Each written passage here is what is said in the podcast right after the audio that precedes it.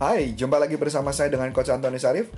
Kali ini di podcast kali ini saya akan membahas mengenai kondisi new normal karena memang kondisi kelihatannya sepertinya akan berat untuk menjadi normal. Jadi kita akan menjadi sesuatu yang new normal.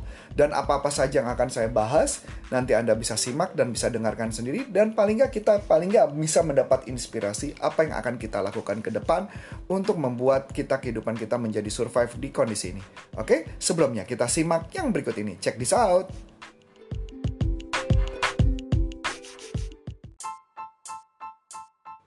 Punya permasalahan kehidupan, punya hambatan, punya permasalahan berkaitan dengan penjualan, ataupun juga tentang mindset atau kehidupan Anda, dengarkan podcast dari Coach Antonius Arif yang akan membantu Anda untuk mempunyai inspirasi dan bagaimana caranya untuk menghadapi kehidupan yang lebih baik.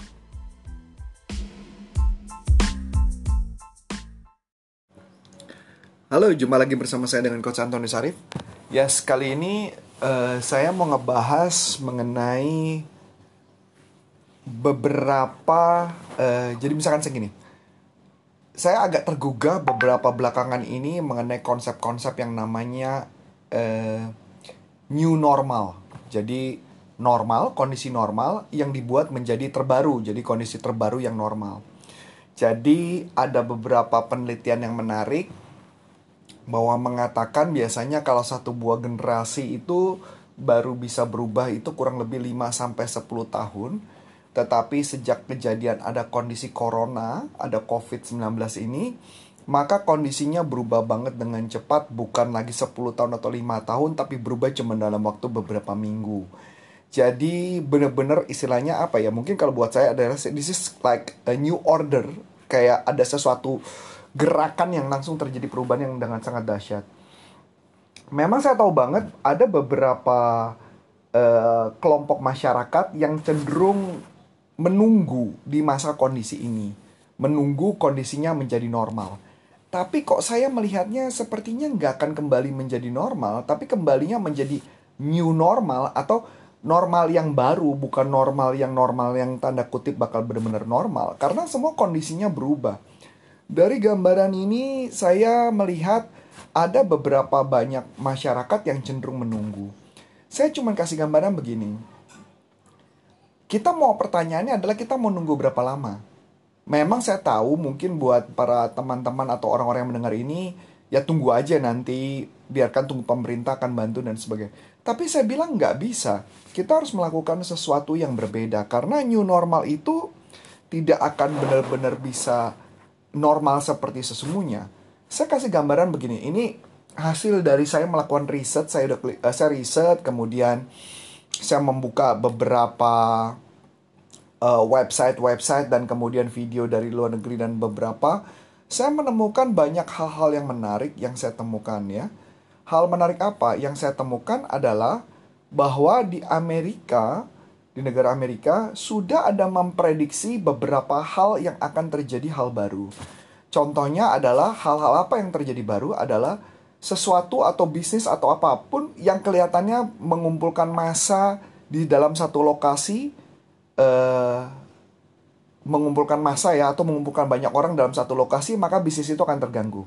Contoh yang pasti dari Amerika mengatakan bahwa bisnis sport olahraga akan terganggu yang kedua adalah bisnis yang berkaitan dengan restoran-restoran akan mengumpulkan dalam satu orang akan terganggu.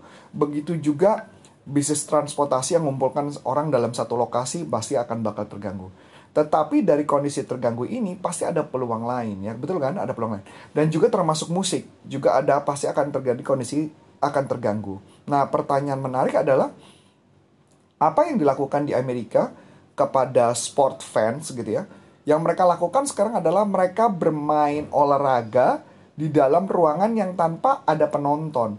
Lah, pertanyaan menarik kan? Lah kalau kayak gitu dapat duitnya dari mana? Sedangkan sports fans selama ini kan dapat duitnya dari karena mereka berkumpul, mereka berteriak bersama-sama, yelling bersama-sama. Nah, dapat duitnya dari mana? Nah, itu yang lagi mereka pikirkan. Mereka mencari strategi apa yang harus mereka lakukan untuk mendapatkan uang di dalam kondisi new normal ini. Begitu juga dengan bisnis musik. Musik, makanya saya banyak banget sekarang banyak yang main musik di rumah masing-masing. Uh, kemudian Saya nggak tahu apakah mereka nanti cara mengambil duitnya bagaimana. Mungkin ya bisa saja mereka mengutip bayar tiket dan sebagainya dibuat menjadi new normal. Sekarang ibaratnya edukasi dulu mungkin saja karena saya lihat di Indonesia juga sudah ada yang kayak begitu sih.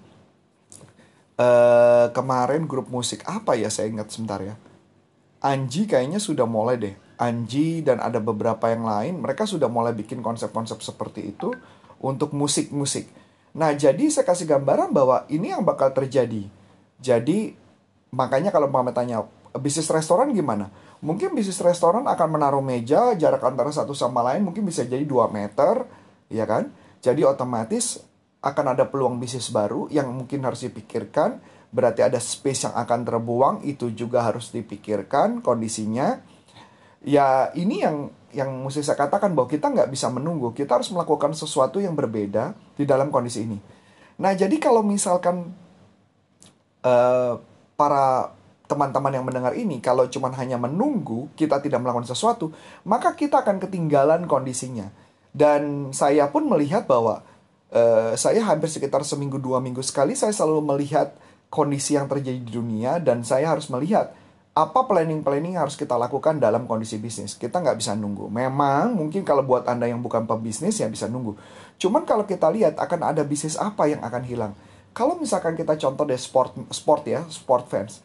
Bakal ada yang apa yang hilang? Pasti yang jual makanan di tempat sport pasti hilang. Betul nggak? Kalau mama nggak ada fans. Apalagi. Jadi banyak bisnis-bisnis yang akan hilang. Dan otomatis kalau orang-orang tersebut tidak mempunyai kemampuan atau tidak menyediakan diri untuk belajar, maka suatu saat Anda akan jadi pengangguran.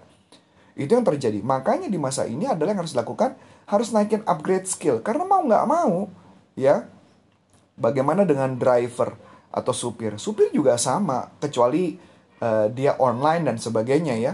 Jadi akan ada bisnis-bisnis yang akan juga akan berubah, kondisi akan berubah. Uh, apalagi kalau saya melihat yang kondisi juga akan berubah adalah kondisi sekolah sih sekolah. Saya melihat tadi sempat membaca satu berita dari Dekdikbud yang mengatakan bahwa kondisi ini akan berlanjut terus sampai 2000 sekian, 2021 atau 2022 mungkin saja karena tidak mungkin terjadi pengumpulan massa. Maka apa yang terjadi? Sekolah yang cuman hanya memberikan PR saja kepada murid-murid, maka suatu saat sekolah itu akan ditinggalkan. Dan saya melihat kayak contoh kemarin, saya punya satu klien, klien saya itu sekolah di Singapura dan mereka sudah memakai teknologi untuk mendidik uh, murid-muridnya bukan cuma sekedar kasih PR. Karena yang terjadi adalah para guru-guru yang tidak upgrade akan hilang, otomatis akan hilang dan yang saya akan prediksi homeschooling akan jadi meningkat dan berarti guru-guru yang mempunyai teknologi akan keren.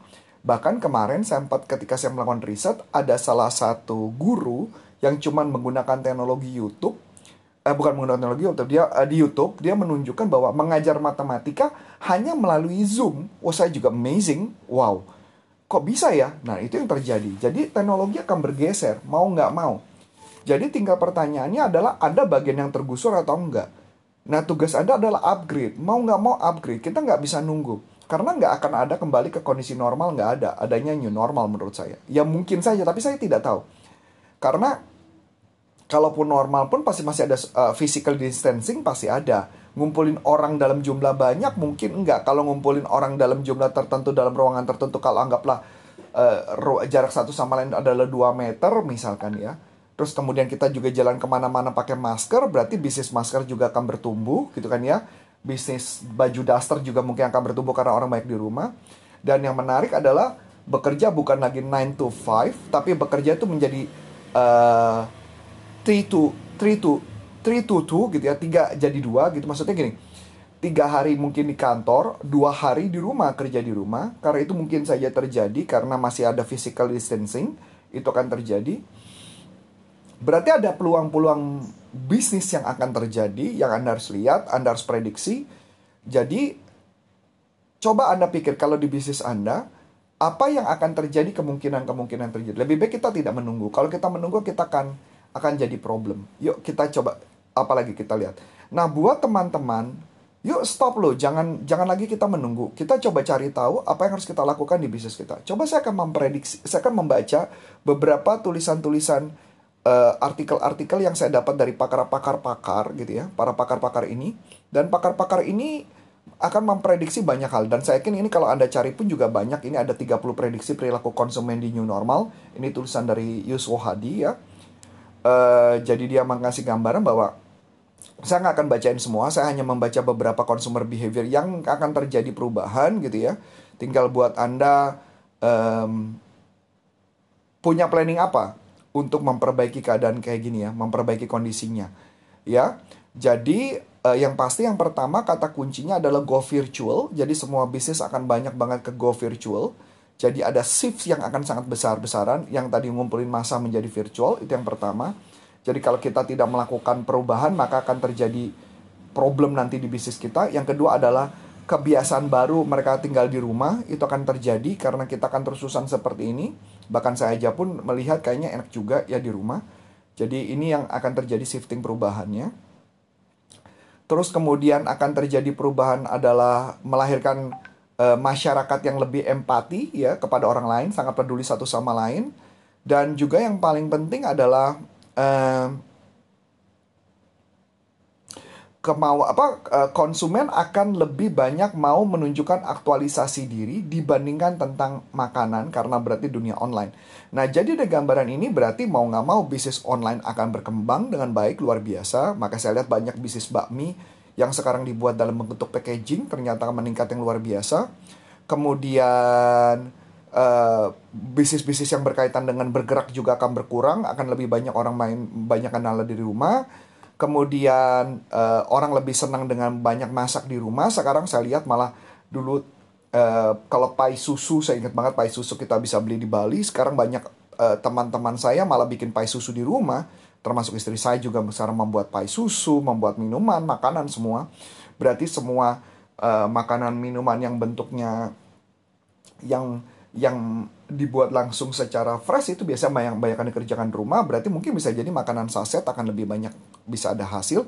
Frozen food tentu frozen food akan menjadi makanan yang jadi favorit. Terus kemudian eh, berkaitan dengan perawatan-perawatan diri itu juga perawatan diri bisa juga di rumah. Jadi buat orang yang potong rambut salon dan sebagainya mesti dipikirkan kenapa saya merasa aman kalau Anda datang ke rumah. Karena gimana pun juga rambut akan tetap tumbuh panjang. Mau nggak mau perawatan-perawatan diri juga banyak di rumah mesti dipikirkan.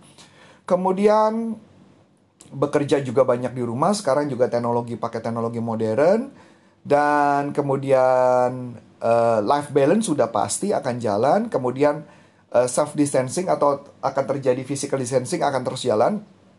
Jadi satu sama lain akan tetap jaga jarak.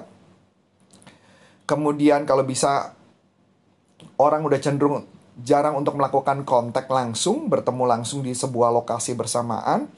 Dan kemudian eh, akan muncul banyak ketakutan-ketakutan kepada masyarakat khususnya berkaitan dengan hal-hal tertentu bahkan kayak contoh ada duit aja pan ada uang aja uang juga dicuci gitu ya dan macam-macam lainnya. Jadi semua yang berkaitan dengan virtual akan booming akan booming kondisinya. Jadi tugas kita sekarang adalah mulai melihat apa yang harus kita lakukan dalam kondisi ini. Nah, kondisi inilah yang Anda harus melihat ada peluang apa tidak. Kalau tidak, Anda tidak akan mencapai sebuah kemajuan-kemajuan yang berarti. Karena saya juga membaca di Kompas ada tiga skenario yang bakal terjadi dan rata-rata skenario tersebut adalah skenario yang tidak mungkin dalam waktu cepat akan balik pulih. Jadi prosesnya akan membutuhkan waktu yang sangat sedemikian lama ya. Jadi mau nggak mau kita yang harus berubah. Nah tinggal pertanyaan kenapa saya uh, apa ya dengan niat banget membuat audio ini karena saya cuma berpikir yuk coba bapak-bapak dari ibu teman-teman sahabat semuanya yuk coba kita melihat ada peluang-peluang bisnis apa yang mungkin bisa kita lakukan di masa-masa ini dibandingkan kita menunggu. Kita harus melakukan sesuatu uh, ya melakukan sesuatu untuk kembali kondisinya. Paling nggak kita bisa di masa ini paling nggak kita bisa survive dulu lah. Di masa ini kita survive dan nanti perjalanan kita akan perbaiki. Oke? okay? Itu aja mungkin ini juga bukan sesuatu yang yang yang yang mengembirakan tetapi paling nggak saya membantu untuk kita coba yuk untuk melihat ada peluang-peluang. Ada nggak peluang-peluang itu? Ada pasti ada peluang-peluang itu. Tinggal anda memprediksi resikonya dan mau nggak mau harus melakukan sesuatu ya. Nah, jadi per hari ini silakan mulai direnungkan peluang-peluang apa yang bisa kita lakukan di masa-masa kondisi ini. Oke, mungkin itu aja. Semoga ini berguna dan menginspirasi Anda untuk Anda bergerak mungkin juga walaupun mengenai ini mungkin Anda mungkin muncul jadi perasaan takut atau panik, tapi paling nggak ini ada membuat Anda untuk punya planning apa ke depan. Oke, sukses buat Anda dan sampai jumpa. Bye-bye.